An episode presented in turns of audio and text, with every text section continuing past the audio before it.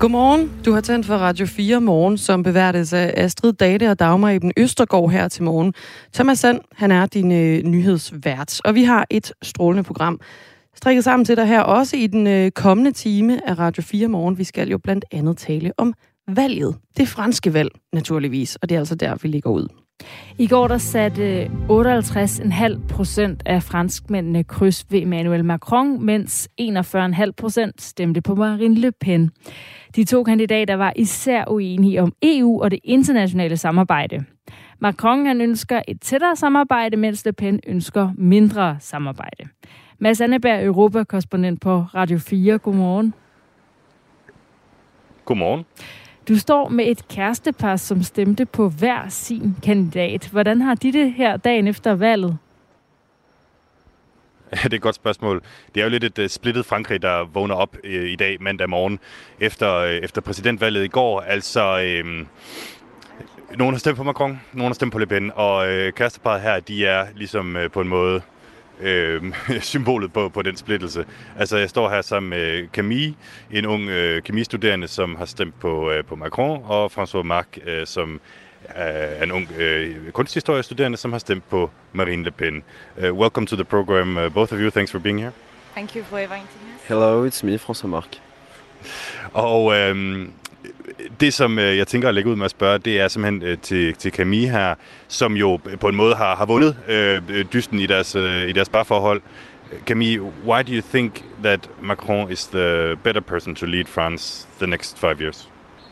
Um, it was the the person I think I thought was going to be the the most the better to represent France, and I just wanted Marine Le Pen not being elected. So yeah, so I voted for Macron.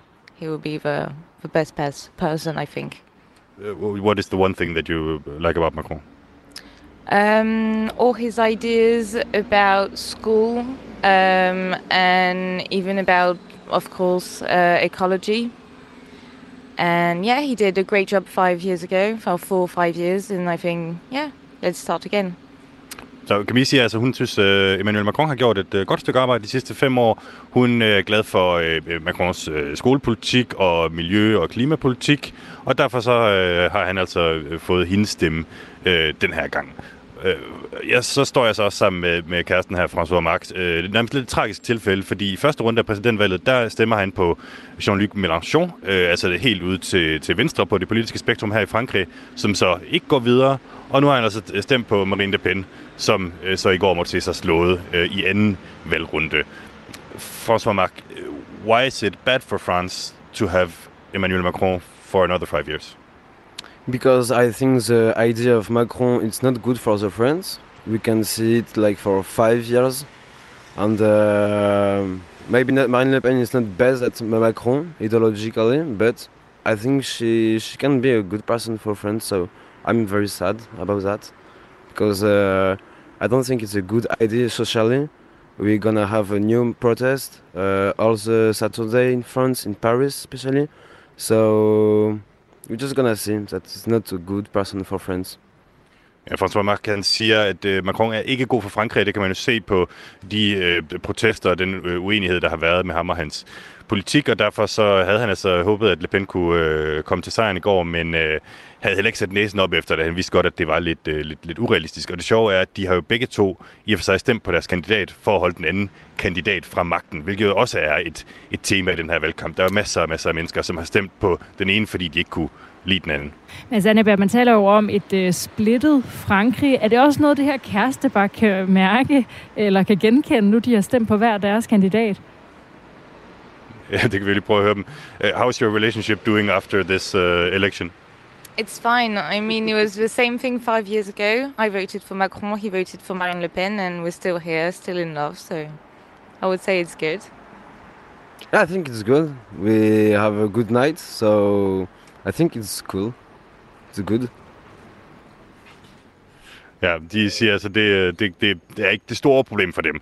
Øh, François Max sagde også, øh, før vi gik i gang med interviewet, at øh, i sidste ende, så, så vinder kærligheden, øh, i hvert fald for dem. Men øh, spørgsmålet er så, om, om det også gør sig gældende i, i hele Frankrig. Ja, altså, øh, når nu valget står mellem øh, to forskellige kandidater, som altså fik henholdsvis 58,5 og 41,5 procent, så er jo spørgsmålet jo netop, øh, som du stiller med Sandeberg, gælder det så i virkeligheden hele Frankrig, at man godt kan samle sig igen om den her splittelse, ligesom det her kærestepar med Camille og François, som du har talt med? Ej, det er nok lidt svært for, for resten af Frankrig at gå op og øh, kramme og kysse hinanden i, i dag, end, end det er lige for det her kærestepar. Altså, jeg vil sige, det viser selvfølgelig en, en, en splittelse i landet, det her. Og Macron var også selv inde på det i sin sejrstale i går. Han ved udmærket godt, der er for det første mange, der ikke har stemt på ham. Der er mange, der ikke har stemt i det hele taget. Og så er der selvfølgelig alle de mennesker, som har stemt på ham, fordi de ikke kunne lide Marine Le Pen. Og han sagde, at vi skal øh, selvfølgelig øh, vi, vi skal fremad øh, sammen, og han øh, lovede at være en præsident for alle. Men det gjorde han jo øh, ret beset også for, for fem år siden, da han blev valgt for første gang. Og det bliver en, en udfordring for Macron at få gjort det her, fordi altså, flotte ord kommer ikke til at slå til. Altså, han er nødt til at gøre noget, som viser øh, de franskmænd, som ikke har stemt på ham, at han rent faktisk lytter til dem. Hvad kan han gøre anderledes for at få alle med? Jamen altså, der er jo nogle, nogle helt øh, særlige konkrete ting, øh, som, som optager franskmændene rigtig meget lige nu. Den ene, den helt store ting, det er jo franskmændenes øh, købekraft. Altså, øh, franskmændene oplever lige nu selvfølgelig øh, en, en kæmpe store prisstigninger på benzin, på deres energiregninger, på deres varmeregninger, på øh, helt almindelige dagligvarer, såsom brød, baguettes, og jeg skal komme efter dig.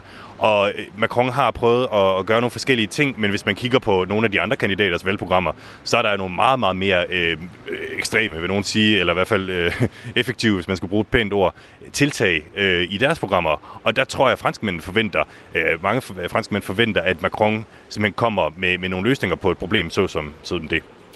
Hvis øh, du stadig står med kæresteparet Camilla og François, så kan du måske her til sidst bare lige høre François, som altså stemte på Marine Le Pen, om hvad der skulle til for, at han øh, vil blive glad for Macron de næste fem år. François, I have uh, one last question for you. Yeah, What does Macron have to do uh, in order to uh, satisfy you for the coming uh, five years? To satisfy me or French people? You.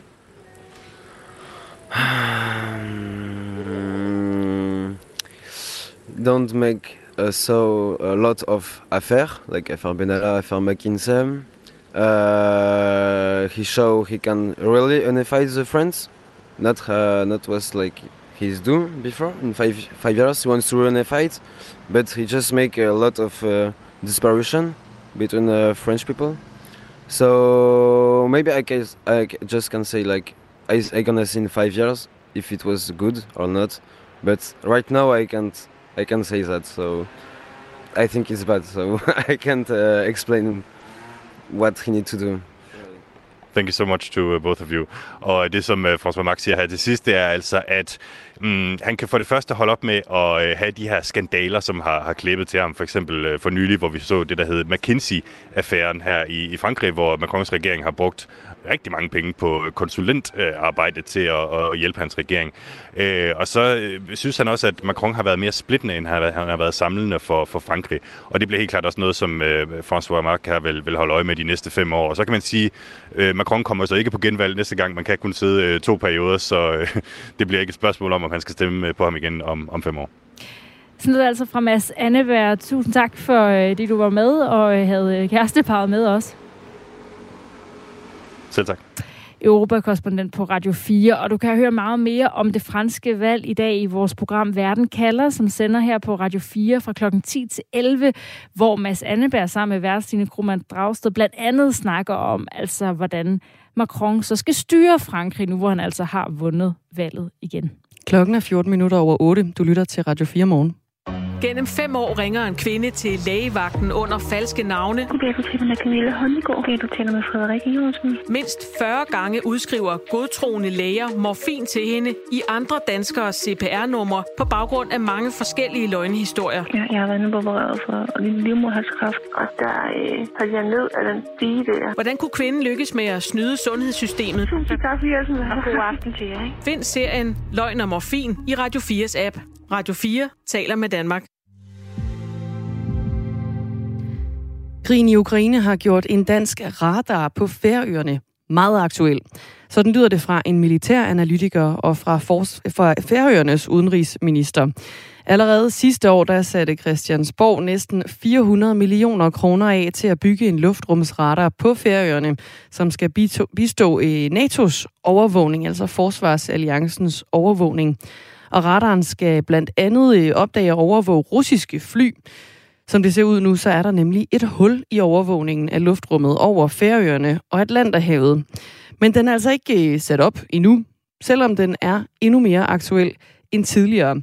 Hans Peter Mikkelsen, som er selvstændig forsvarsanalytiker og tidligere militæranalytiker ved Center for Militære Studier på Københavns Universitet, fortæller, hvorfor behovet for en radar på Færøerne er blevet større efter krigen i Ukraine. Krigen i Ukraine har jo yderligere gjort forholdet mellem NATO og Rusland mere anspændt, og øh, det har så gør så, at, at nu, nu er der egentlig yderligere et behov, fordi altså, det er jo ikke ligefrem venskabeligt fod, landene er på. Så nu vil det formodentlig vise sig, at der er yderligere behov for den retter.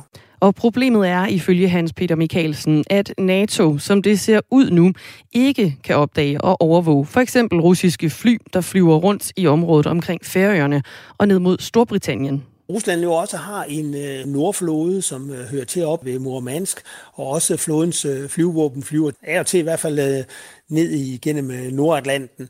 Og så øh, kommer de igennem det område, så, hvor der ikke er nogen øh, radarovervågning, så kan de enten så flyve ned mod øh, Nordsøen, eller de kan flyve ned mod Storbritannien, eller de kan flyve vest for Storbritannien. Så der er, sådan et, øh, der er det der berømte radarhul, hvor NATO ikke rigtig kan følge med i, hvor de flyver hen. Vi kan lige tage noget baggrund. I februar sidste år, der præsenterede Forsvarsforligkredsen på Christiansborg en arktisk kapacitetspakke, der skulle styrke overvågningen og forsvaret af Færøerne og Grønland. Det skete efter, at både NATO og USA havde presset på for en radar, fordi de ønsker at holde bedre styr på russisk aktivitet i de områder. Det gælder for eksempel fly over Færøerne, der flyver videre over Nordatlanten. Som en del af den her pakke blev der afsat 390 millioner kroner til den færøske radar, som så skal bidrage til NATO's luftrumsovervågning. Samtidig så blev det besluttet, at Danmark ikke bare skulle bygge radaren, men at færøerne skulle acceptere den. Det har færøerne ikke gjort endnu, selvom der har været rigtig mange møder mellem ministre fra de to lande senest i sidste måned. Det trækker i langdrag på grund af forskellige krav til radaren fra blandt andet den færøske opposition.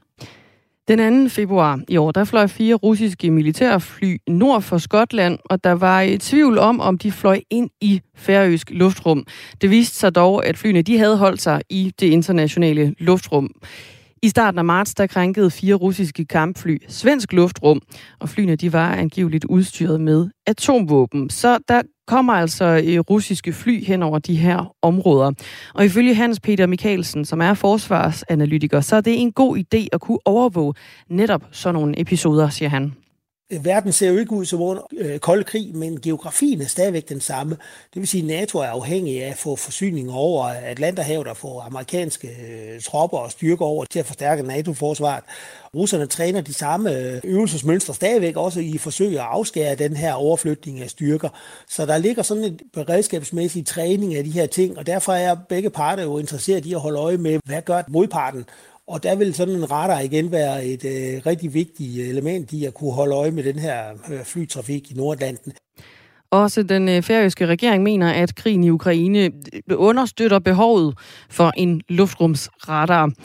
Behovet for luftvarslingsradar, som giver et fuldt overvågningsbillede af det færøske luftrum, er ikke blevet mindre efter Ruslands uprovokerede og ulovlige invasion af Ukraine.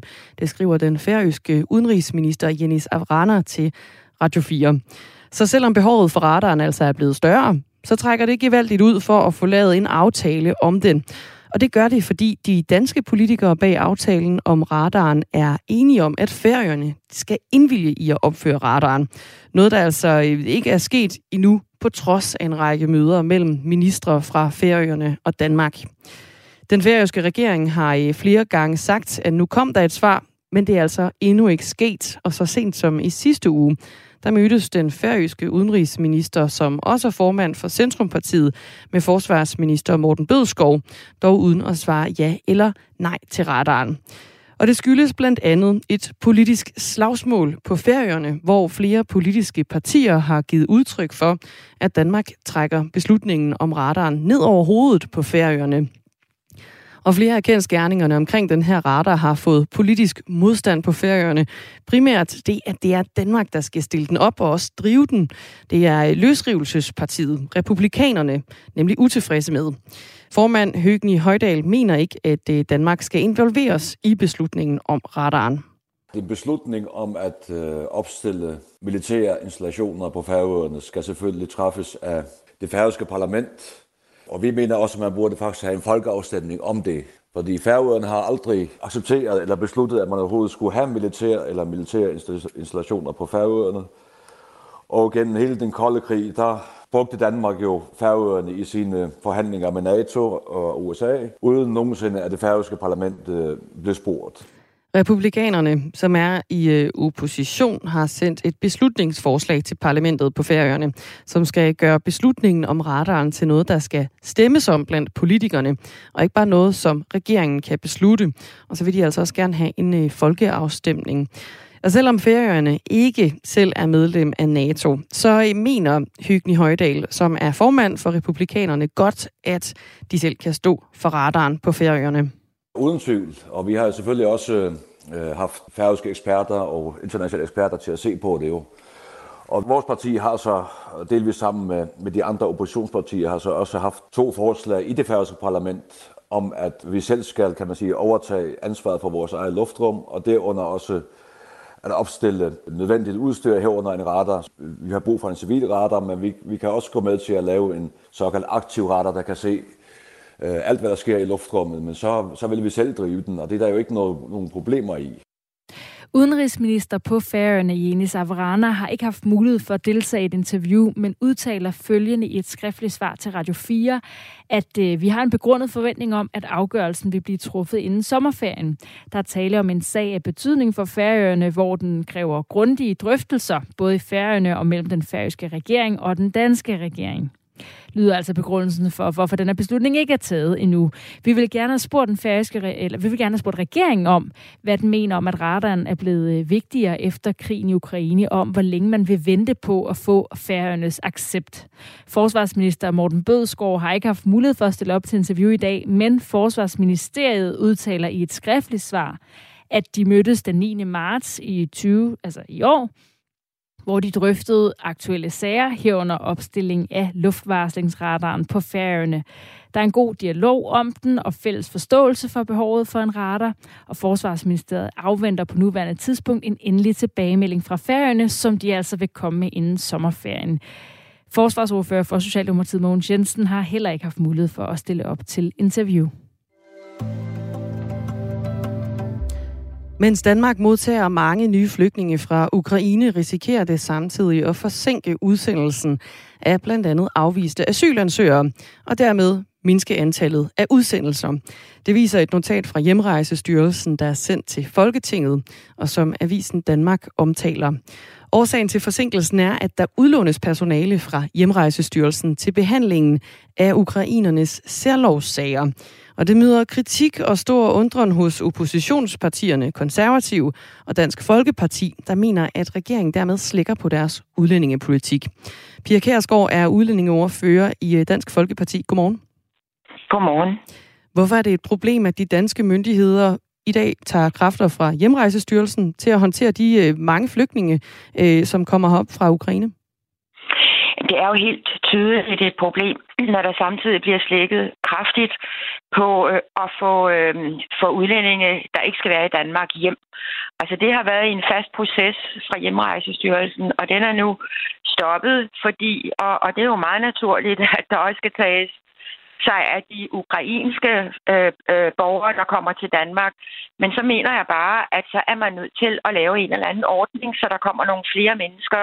Der er mange styrelser inden for udlændingepolitikken, som kan flyttes til hjemrejsestyrelsen, fordi det dur jo ikke, at vi samtidig stopper øh, udvisningen af, af forskellige, der faktisk skal rejse hjem. Hvad enten det er frivilligt, men det er faktisk også dem, der er kriminelle. Hvad, hvad er vigtigst for dig, Pia Kjærsgaard? At opretholde behandlingstiden for udsendelse af afviste asylansøgere, eller at håndtere den her opgave med de ukrainske flygtninge, der kommer op? Jamen, begge dele er vigtigt. Det er der slet ingen tvivl om. Vi er i en situation, som øh, er helt speciel. Øh, det ved vi alle sammen. Det havde vi ikke forudset for, for tid siden, men den er vi så altså i. Og det er jo også derfor, jeg nu har henvendt mig til ministeren og siger, og hvad gør vi så? Fordi det er jo dybt krænkende i forhold til udlændingepolitikken, at den proces, der er i forhold til at sende udlændinge tilbage igen, at den er stoppet. Og det kan være både dem, der... Lad mig, lad mig lige tale ud. Det kan være dem, der både vil frivilligt, men faktisk også mange kriminelle, der skal tvangshjemsendes. Det er stoppet, og det synes jeg ikke er godt for vores udlændingepolitik. Du siger, at begge dele er, er vigtige, altså det her med at opretholde behandlingstiden og sørge for at få udsendt afviste asylansøgere. Og så er det også vigtigt at tage sig af de ukrainske flygtninge. Men hvad bør man ifølge dig prioritere højst af de to? Jamen, man skal prioritere begge dele. Jeg vil slet ikke sætte det ene mål højere end det andet. Det vil jeg simpelthen ikke. Altså, der mener jeg, at regeringen har en forpligtelse. Der mener jeg, at regeringen har en forpligtelse til at finde en ordning. Det er regeringen, der er ansvarlig. Det er regeringen, der skal finde et flertal i Folketinget for noget nyt. Og det tror jeg at det flertal det bestemt også vil findes. Men der er det regeringen, der skal komme med nogle initiativer.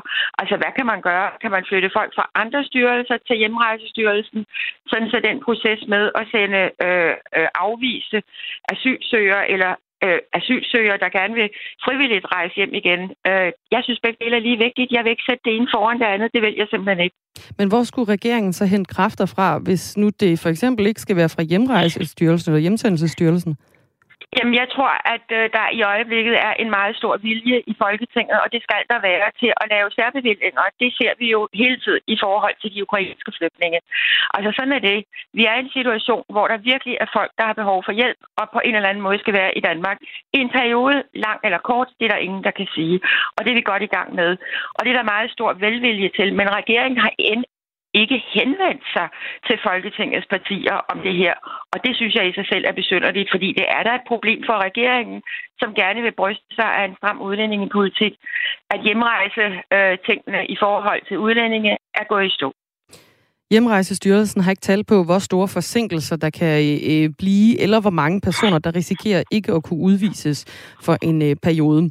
Udlånet af personalet fra Hjemrejsestyrelsen startede den øh, 28. Marts i år, og det, har, det har ikke haft konsekvenser endnu. Så Pia Kærsgaard, er det så ikke øh, fair nok, at man har løst det på den her måde? Nej, jeg synes bestemt ikke, det er fair nok, fordi det siger sig selv, at når der er medarbejdere, der bliver flyttet fra det ene til det andet, i det her tilfælde medarbejdere, der skal sørge for, at flygtningen kommer hjem, som, som de skal. Men det har ikke haft nogen flyttet, konsekvenser endnu så, for forsinkelser, for eksempel? Nej, men, men det er jo helt logisk, at det vil have konsekvenser. Og der vil jeg da spørge ministeren. Jeg har allerede stillet spørgsmål. Men jeg kan sagtens stille flere spørgsmål. Altså, hvor lang tid? Hvad betyder det her? Fordi selvfølgelig betyder det noget. Og hvor mange kommer det til at dreje sig om? Og det, jeg synes er underligt, det er, at man intet har hørt fra regeringen i den her sag. Og, og Hjemmerejsestyrelsen er jo helt klar over, at det her er et problem. Det ser vi jo med, de, med det øh, notat, som de har sendt til Folketinget.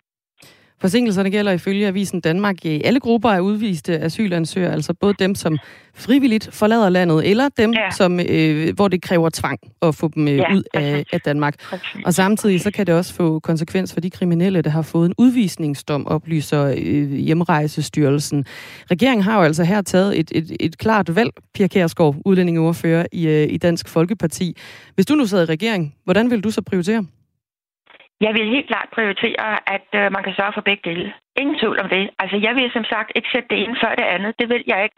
Og det her, det er jo på en eller anden måde Altså, næsten tillader mig at kalde et, øh, et møderum fra hjemrejsestyrelsen, som udmærket godt er klar over, at de kommer til at sidde med et gigant problem i løbet af meget, meget kort tid, fordi de kan se, at der forsvinder medarbejdere for det, der har været vigtigt indtil nu, men som så bliver flyttet, og så bliver det sat på pause, og der kan de jo godt se, at det skaber et stort problem. Så der synes jeg bare, at jeg har pligt til at rejse det over for regeringen og sige, hvorfor i alverden øh, har I ikke taget hånd om det her? Hvorfor er vi ikke blevet gjort opmærksom på det? Det er Hjemrejsestyrelsen, der skal sende et notat til Folketinget, sådan så Folketingets politikere og oppositionen bliver opmærksom på det, og ikke regeringen, der har taget initiativ til det. Og hermed er det altså også rejst i øh, Radio 4 morgen. Pia Kærsgaard, tak fordi du var med. Det tak udlændingeoverfører i øh, Dansk Folkeparti. I det her øh, notat, som er kommet frem i Avisen Danmark, der oplyser udlændinge- og integrationsminister Mathias Tesfaye, at der allerede er indhentet ekstra sagsbehandlere fra andre offentlige myndigheder. Og i det skriftlige svar, der oplyses det så til gengæld ikke, hvor mange.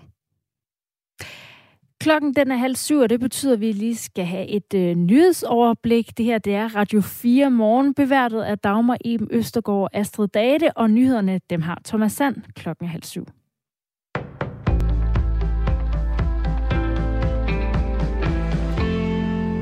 Danske politikere er mest af alt lettet over, at sejren ved valget i Frankrig gik til den siddende præsident Emmanuel Macron og ikke til højrefløjspolitikeren Marine Le Pen. Macron er genvalgt, og jeg kan mærke, at jeg drager lettelsens suk, men uden begejstring, skriver SF's formand Pia Olsen Dyr på det sociale medie Twitter. Hun håber, at de grønne partier får et godt valg ved de kommende franske parlamentsvalg. Trods sejren til Emmanuel Macron står det klart, at den franske befolkning er splittet. Selv sagde han i sin tale i aftes, at han forstår og erkender, at ikke alle de, der har stemt på ham, har gjort det på grund af hans politik og idealer. Mange har stemt på ham for at blokere for den yderste højrefløj. Flere danske partiledere peger netop på, at den franske præsident nu står over for en opgave med at samle landet. Tillykke til Emmanuel Macron med valget. I en usikker tid er det vigtigt, at Frankrig har valgt en præsident, der bakker fuldtonet op om det europæiske samarbejde, skriver Venstres formand Jakob Ellemann Jensen på Twitter. Jeg håber, at han lykkes med at samle et splittet Frankrig. Fra Moderaternes formand og tidligere statsminister Lars Løkke Rasmussen lyder det på Twitter, lettet over genvalg til Macron og fravalg af højre nationalistisk populisme, godt for Europa, skidt for Putin, og forhåbentlig en præsident, der lytter til de tavse, der ikke stemte, og de mange, der valgte ham via fravalg, der venter en stor opgave. Også den danske statsminister Mette Frederiksen glæder sig over, at Macron kan beholde præsidentembedet. Tillykke til Emmanuel Macron. Han er netop blevet genvalgt som præsident i Frankrig. Det danske og franske forhold går langt tilbage, både kulturelt, handelsmæssigt og politisk. Jeg ser frem til at fortsætte mit gode samarbejde med Macron, skriver hun på Facebook. USA's udenrigsminister Anthony Blinken og landets forsvarsminister Lloyd Austin har under et møde med præsident Volodymyr Zelensky lovet, at flere amerikanske diplomater vil vende tilbage til Ukraine i denne uge. Det oplyser en ledende embedsmand i USA's udenrigsministerium. De to amerikanske toppolitikere var i går på besøg i den ukrainske hovedstad Kiev, hvor de blandt andet mødtes med Zelensky og andre embedsfolk. Besøget blev annonceret allerede lørdag af Zelensky selv, men er altså først nu blevet bekræftet fra amerikansk side. Det er første gang siden Ruslands invasion 24. februar, at USA har sendt så højtstående folk til Ukraine. Når de amerikanske diplomater vender tilbage til landet, vil det i første omgang være til den vestlige by Lviv, men de vil på sigt rykke ind i USA's ambassade i Kiev igen, siger den unavgivende embedsmand. På mødet skulle Blinken og Austin også have gentaget over for Zelensky, at USA planlægger at sende yderligere 713 millioner dollar i militærstøtte til Ukraine og andre lande i det centrale og østlige Europa. Det svarer til knap 5 milliarder kroner. Pengene skal blandt andet hjælpe Ukraine med at imødegå en ny russisk offensiv i Donbass og hjælpe landet med at få fingrene i mere avancerede våben og luftforsvarssystemer, siger embedsmanden. Batterier, termometer, oplader, maling. Listen over affald, der er farligt og skadeligt for miljøet, er lang, og der kommer mere og mere farligt affald i hovedstadsområdet, det skriver TV2 Løje. Den voksende mængde farligt affald er faktisk så markant, at Storkøbenhavns modtagestation for olie- og kemikalieaffald, også kaldet SMOKA, der håndterer farligt affald fra 23 hovedstadskommuner, nu vil købe en ekstra bygning til håndtering af det. Det fremgår af dagsordenen for et møde i Københavns Kommunes og Teknik- og Miljøudvalg, at forvaltningen indstiller til en anbefaling over for blandt andet borgerrepræsentationen om at købe en ekstra bygning. Vi får tørt vejr med nogen eller en del sol, men i løbet af dagen stedvis mere skyde. Temperaturer op mellem 10 og 15 grader. Ved kyster med pollandsvind lidt køligere.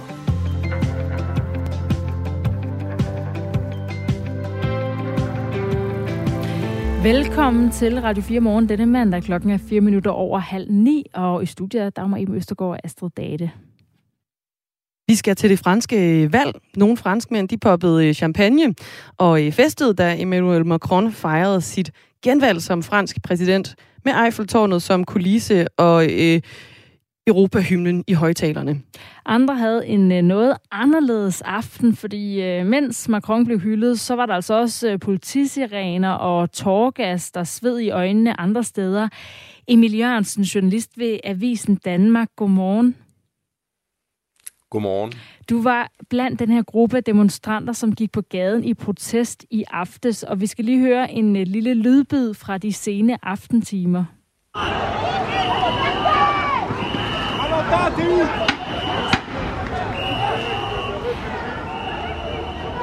Emil Jørgensen, hvad er det, vi hører her?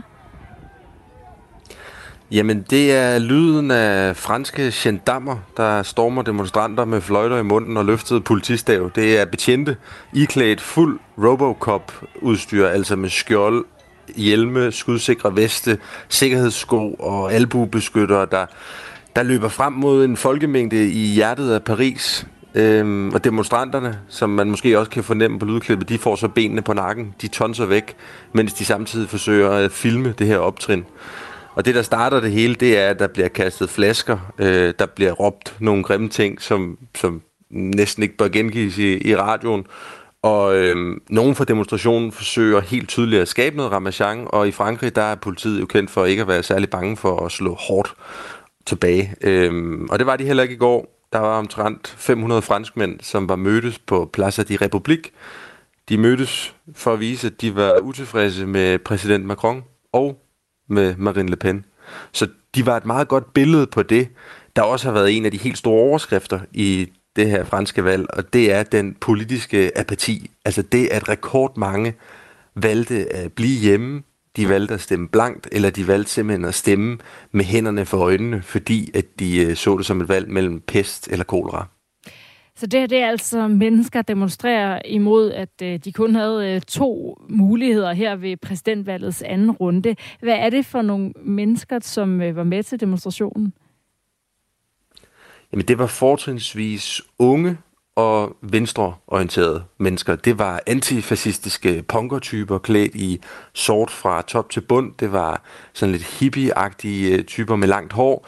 Det var det, man kan kalde Jean-Luc Mélenchons fortabte vælgere, altså alle dem, som stemte yderst til venstre på øh, venstrefløjsveteranen og følte, at hverken Macron eller Le Pen repræsenterer dem. Demonstrationen den var planlagt på forhånd, altså før vi kendte resultatet af valget i går. Øhm, og formentlig så havde der været endnu flere, hvis at Le Pen hun havde vundet. Og det er jo også det, der gør, at den her gruppe den er så interessant, fordi altså specielt fordi, at der lige om lidt jo er et nyt valg i Frankrig. Øh, I juni er der par, øh, parlamentsvalg. Øh, det, som der er mange her i Frankrig, der kalder for den tredje valgrunde. Og der har demonstranternes held, altså ham her, Jean-Luc Mélenchon, han har allerede meldt ud, at han går efter at blive premierminister.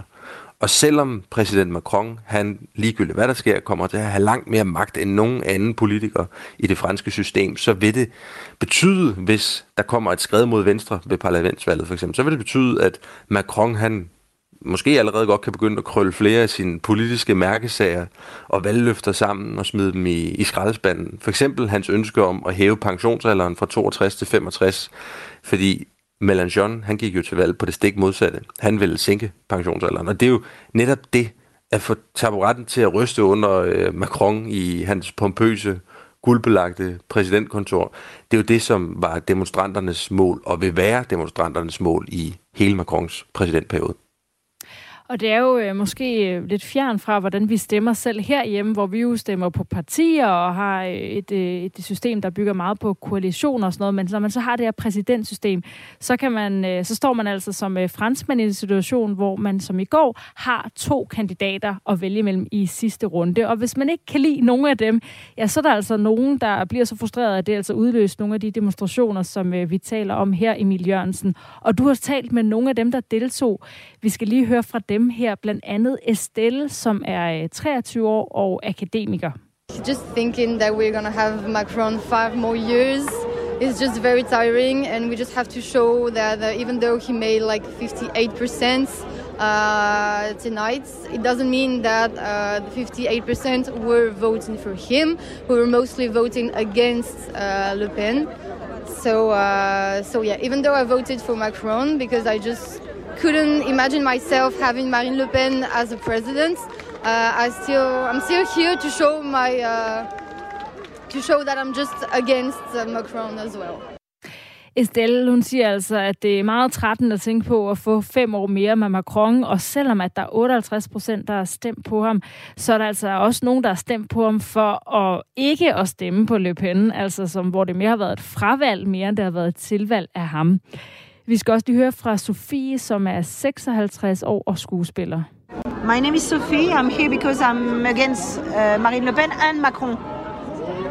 Because, uh, you know, we uh, had uh, five years of uh, neoliberalism and we didn't want to have the fascism, but we didn't want to have uh, Macron also.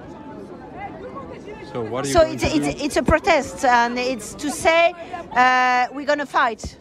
We're going to fight because we, we against what is happening. Emil Jørgensen, kan du øh, lige fortælle, øh, hvad det er, Sofie siger her? Jamen, hun siger jo, at øh, hun er der for at demonstrere mod både øh, Macron og Le Pen. De har haft fem år med Macrons neoliberalisme, som hun beskriver det, og hun er ikke interesseret i det, som hun kalder Le Pens fascisme. Øh, så deres budskab er, at de har tænkt sig at kæmpe hvor efterlader det her Macron, når man har en, øh, en gruppe vælgere? Det er selvfølgelig øh, svært at sige, hvor mange af de 58 procent, der måske har stemt på ham som et fravalg af Marine Le Pen. Men, men altså, at, at, at han på, for nogen i hvert fald har været sådan et, øh, et nødvendigt onde for ikke at få Marine Le Pen, når han nu skal til at samle nationen. Jamen det efterlader jo Macron med en kolossal opgave, fordi Frankrig hænger i flager. Frankrig er en splittet nation. Syv ud af ti franskmænd, de mener, at det politiske system simpelthen er brudt sammen. Og Emmanuel Macron er jo virkelig foragtet af mange i Frankrig også. Han bliver jo kaldt de riges præsident, elitens præsident, og han indrømmede det jo faktisk også selv, øh, det som flere af demonstranterne sagde direkte til mig i går. Der blev stemt imod Le Pen, lige så meget som der blev stemt for Macron. Før han talte med øh, Mads Anneberg fra Radio 4, så sagde han i sin sejrstale foran øh, Eiffeltårnet, at jeg ved godt, at der er mange af vores landsmænd, der har stemt på mig i dag, ikke fordi de støtter mine idéer, men fordi de gerne vil blokere det yderste højre. Og det er jo præcis sådan nogen som Estelle Sofie, øh, som vi lige har hørt her, han refererer til. Så Macron, han vandt præsidentvalget i går, men han har altså ikke vundet folket og freden endnu. Han har vundet en øh, stor opgave derimod, Emil Jørgensen. Tak fordi du var med. Det var så lidt. journalist ved Avisen Danmark, der altså har været i Frankrig under valget. Og hvis du øh, vil høre mere om, hvordan Mon Macron kunne øh, gå til den her opgave med altså at samle nationen, så kan du høre Verden kalder et øh, program her på Radio 4 fra 10 til 11, som dykker ned i netop det spørgsmål. Lige om cirka 5 minutter, der har vi øh, spørg om krigen her i Radio 4 morgen. Det betyder også, at du har 5 minutter til at sætte dig ned og lige skrive en sms med et spørgsmål ind til det her faste koncept, hvor du altså kan stille dine spørgsmål til en øh, kyndig person på området i forbindelse med krigen i Ukraine. Her til morgen, der er det Torben Ørting Jørgensen, som er øh, vi har allieret os med her i programmet. Han er bestyrelsesformand i Folk og Sikkerhed. Det er Danmarks største forsvars-, beredskabs- og sikkerhedspolitiske organisation. Og så er Torben Ørting Jørgensen også tidligere kontraadmiral. Ham kan du altså øh, stille spørgsmål i forbindelse med krigen om øh, 5 minutters tid. 1424, det er nummeret. Det har været en helt speciel weekend ved øh, pandaburet i Københavns Zoo. Hunpandaen Mausun og hanpandaen Sing Er har nemlig været øh, øh, forenet i samme bur i håbet om, at amoriner ville opstå, og parret skulle begynde at parre sig med hinanden. Men tiden er knap, for hundpandaen Mausun er godt nok i brunst, men i pandaens verden, der foregår brunsten kun få dage hvert år.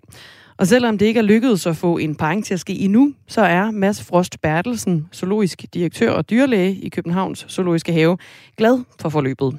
Vi lukkede dyrene sammen lidt senere, end vi gjorde øh, sidste år, altså lidt længere inde i den her brunstperiode. Og det øh, var sådan set meget godt, fordi de startede med at, at, at lægge ud med noget, der næsten lignede en parring. Øh, så kom de lidt op og slås, og så var de lidt fra hinanden. Og så havde vi en lang periode, hvor, hvor hun ligesom stod klar, og han løb hen og skubbede lidt til hende og løb videre. Det gjorde han så mange gange, at vi stod og rev os i håret. Men så her ud på natten og den tidlige morgen, der har altså været et par fornuftige forsøg, hvor de næsten har været i gang med det. Så, så overordnet set, så selvom vi nok ikke når det i år, så synes vi, det går fremad. Ja, det går fremad her på tredje år i træk, hvor man altså forsøger at få de her to pandaer til at parre sig. Men det er altså ikke øh, øh, så enkelt at få det til at ske. Det er svært, fordi der kun er den her ganske øh, korte periode. Hun har én ægløsning om året, og i den forbindelse de her to, to til tre dage, hvor der er, er brunst. Og så er det svært, fordi øh, dyrene er uerfarne. Det er to unge øh, pandaer. Øh, og, og hvis nu en af dem havde vidst, hvad man skulle gøre, ja, så kunne det, kunne nok have hjulpet den anden. Men alt andet lige, så synes vi, at øh, den øh, manglende interesse, som vi har set de første to år fra hans side, den er blevet erstattet af en, en stor interesse, men øh, en, en masse fumleri, og han kan ikke rigtig finde ud af, hvordan han skal gøre, og hvad han skal gøre. Men, øh, men han er tydeligvis interesseret, som er øh, opløftende.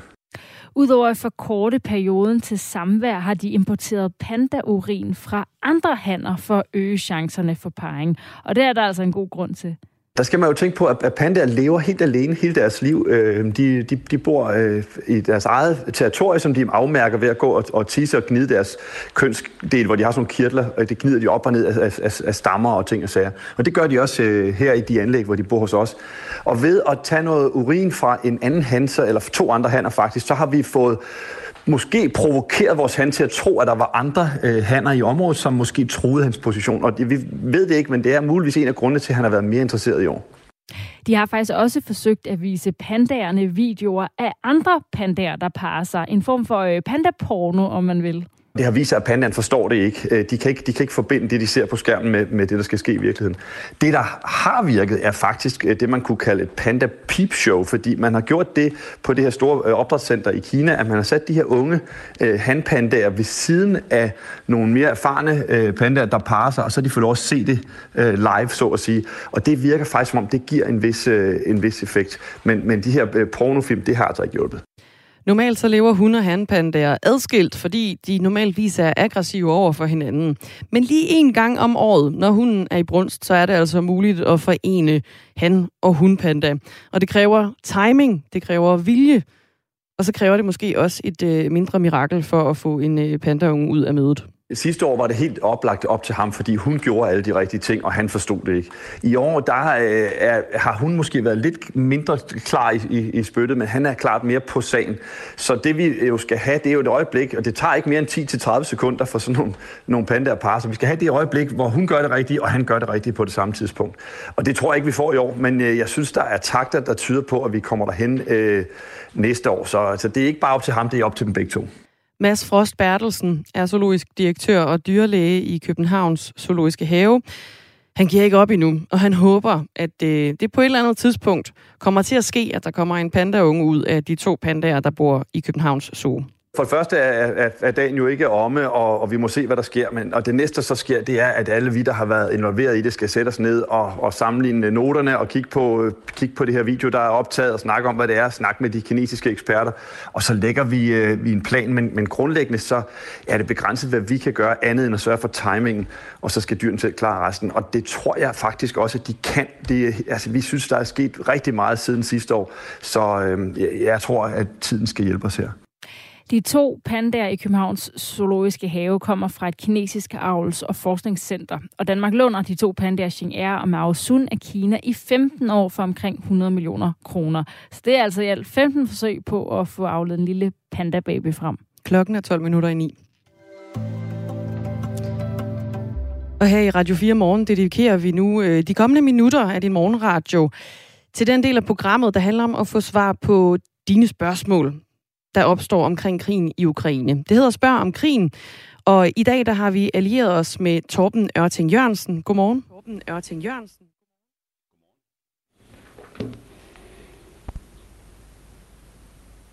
Jeg kan være i tvivl om, om vi har hul igennem til Torben Ørting Jørgensen. Der er i hvert fald en meget stor øh, forsinkelse på. Han er bestyrelsesformand i øh, Folk og Sikkerhed, Danmarks største forsvars- og beredskabs- og sikkerhedspolitiske organisation, og så er han også tidligere kontraadmiral. Vi forsøger lige, om øh, vi ringer, jeg tror, vi ringer ham op på en, øh, en telefon i stedet for, for at få det her til at lykkes. Men konceptet, det er jo, som du øh, måske kender fra mange tidligere morgener her i Radio 4 Morgen, så det er altså i dine spørgsmål, vi gerne vil sende videre til den kyndige person, vi har allieret os med i konceptet spørger om krigen, hvor dine spørgsmål bliver besvaret af personer, som ved en masse om krigen i Ukraine. Torben Ørting Jørgensen er med os igen her. Godmorgen. Godmorgen. bestyrelsesformand i Folk og Sikkerhed, som er den største forsvarsberedskabs- og sikkerhedspolitiske organisation. Det er øh, to måneder og en dag siden krigen i øh, Ukraine startede. Kan vi få en, øh, en kort status på øh, ja, to måneders øh, forløbet her, vi har været igennem i, øh, i krigen i Ukraine? Jeg vil i hvert fald konstatere, at det slet, slet ikke er gået sådan, som øh, præsident Putin havde forestillet sig.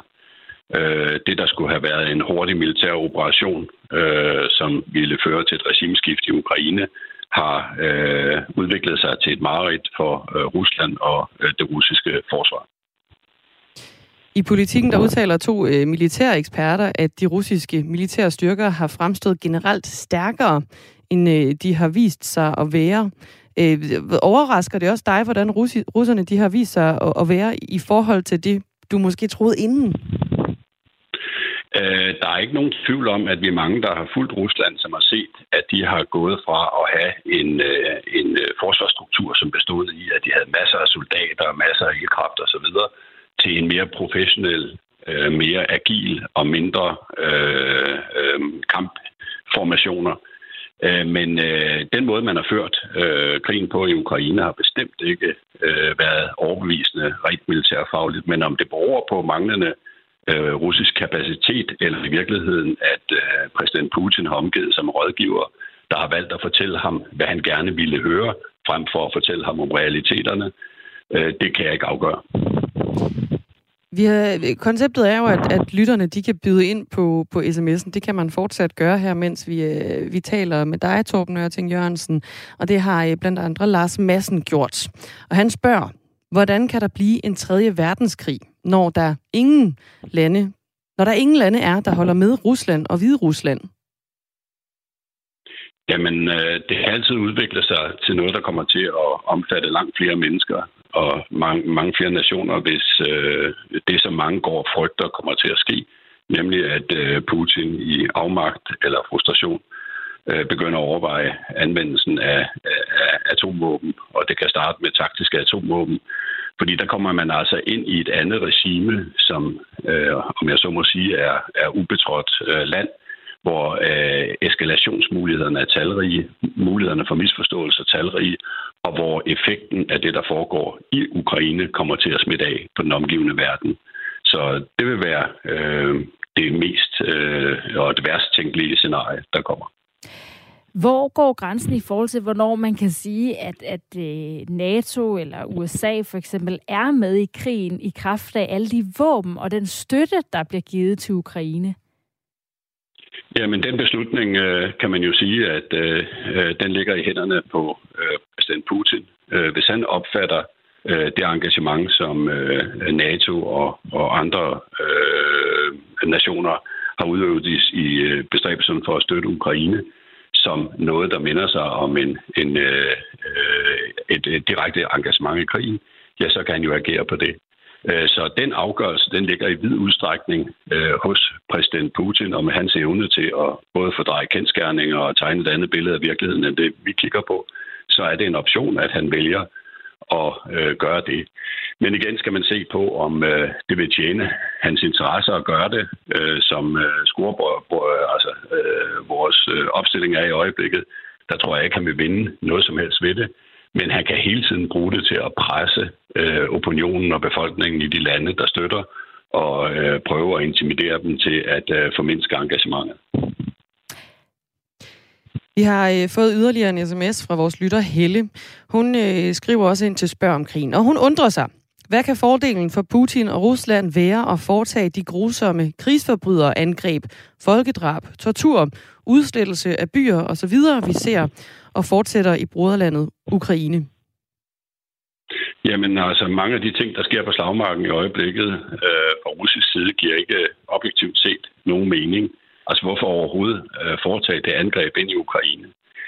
Øh, når der sker øh, overgreb af den karakter, man har set forskellige steder i Ukraine, øh, begået af russiske eller øh, russisk eller soldater, der kæmper på den russiske side, så er der altså udtryk for en, øh, en, en, en, et, et forsvar, altså en militær organisation, som har tabt det øh, etiske og moralske kompas, og som øh, øh, langsomt synker ned i den brutalitet, som også er en kendskærning krig, og hvor perfiditet og, og øh, umenneskelige handlinger desværre også er et element, man bliver nødt med til at indtænke, når man øh, overvejer krig. John fra øh, Rusland, nej ikke Rusland, undskyld, Ringkøbing, for guds skyld, nu rydder jeg rundt i ordene.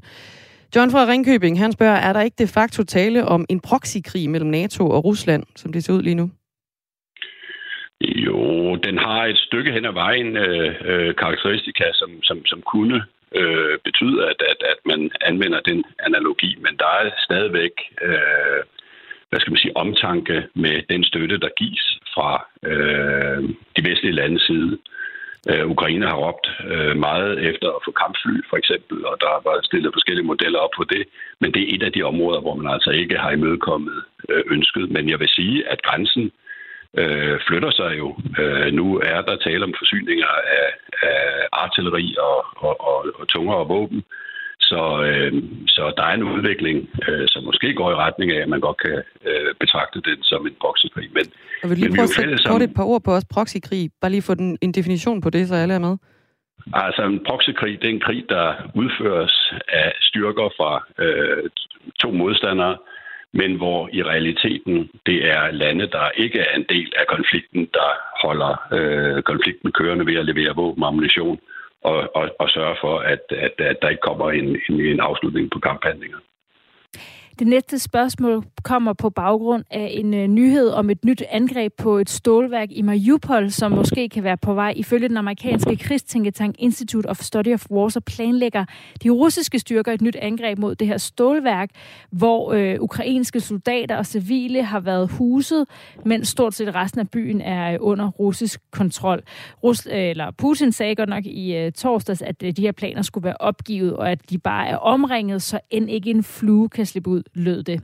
Og på den baggrund, der skriver EA til dig, kan NATO ikke via Menneskerettighedskommissionen redde de sidste ukrainere, der sidder fanget i Mariupols stålværk, måske fra luften om natten. De burde hjælpes ud, de er så seje og har kæmpet mentalt og fysisk så hårdt. Få dem nu ud. Altså, kan man bruge noget menneskerettighedskommission øh, via NATO til at redde mennesker ud af Mariupol? Nej, det kan man ikke. Altså man kan henstille til, at, øh, at øh, russerne viser tilbageholdenhed, og russerne finder nogle øh, løsninger, som er på linje med, med, med folkeret og almindelig humanitær anstændighed. Men øh, NATO kan ikke øh, gøre noget. Hvis NATO gør noget i relation til det her, så bliver man en aktiv part i krigen. Øh, jeg har stor beundring for den øh, kamp og den mod og den udholdenhed, som den indsluttede styrke øh, i, i stålværket har udvist.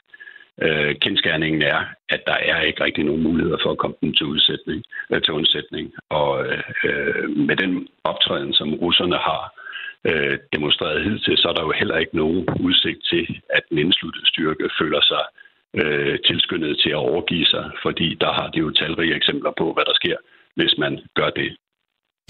Så lyder det altså fra uh, Torben Ørting Jørgensen, som er bestyrelsesformand i Folk og Sikkerhed. Tak fordi du uh, vil hjælpe med at besvare lytternes spørgsmål. Det var en fornøjelse. Tak. Danmarks øh, største, altså Folk og Sikkerhed, er han bestyrelsesformand i. Det er Danmarks største forsvarsberedskabs- og sikkerhedspolitiske organisation. Og så er Torben Ørting Jørgensen altså også øh, øh tidligere kontraadmiral. Vi fortsætter at spørge om krigen her i resten af ugen ud. Det kommer til at ligge i den sidste halve time af Radio 4 morgen. For det meste lige omkring klokken øh, kvart i ni. Om få minutter, der kan du høre Radio 4's debat og lytterprogram Ring til Radio 4, som i dag skal handle om, hvorvidt grænsen for abort skal rykkes. I dag så kan du få abort indtil den 12. uge af graviditeten. Og hvis man venter øh, længere hen i sin graviditet og gerne vil afbryde den, så skal det først godkendes af et samråd, der består af en gynekolog, en psykiater og en socialrådgiver. Og i sådan et tilfælde, der kan man få tilladelse frem til 22. uge, altså 5. måned. Hvis der er sociale forhold, handicap hos barnet, kriminelle handlinger eller andet, der spiller ind. Men nu foreslår Sundhedsorganisationen WHO, at man afskaffer tidsgrænser for aborter. I Ring til Radio 4, der kan du blandt andet høre overlæge og professor ved gynækologisk klinik ved Rigshospitalet, Øjvind Lidegaard, som mener, det er en god idé at rykke grænsen. Og du kan altså også byde ind på øh, debatten på 1424 og give dit besøg med. Det er øh, Ring til Radio 4, som altså øh, taler med dig, der lytter med, og det er klokken lidt over, nej, fem minutter over ni. Ja, fordi inden da, der presser Thomas Sand sig lige ind. Han giver dig nemlig et øh, nyhedsoverblik klokken 9.00 dut. Til allersidst, så skal vi lige huske at give en servicemeddelelse. Fordi der bliver fra klokken 10.05 i dag lavet servicearbejde på sendemasten Frejlev ved Aalborg. Det betyder, at vores FM-frekvens 102,7 og dele af vores signal på DAB er ude af drift i Nordjylland frem til klokken cirka 11.35 i dag. Men du kan altså fortsat høre Radio 4 på vores hjemmeside på radio4.dk og så selvfølgelig i vores app. Han god mandag nu klokken 9.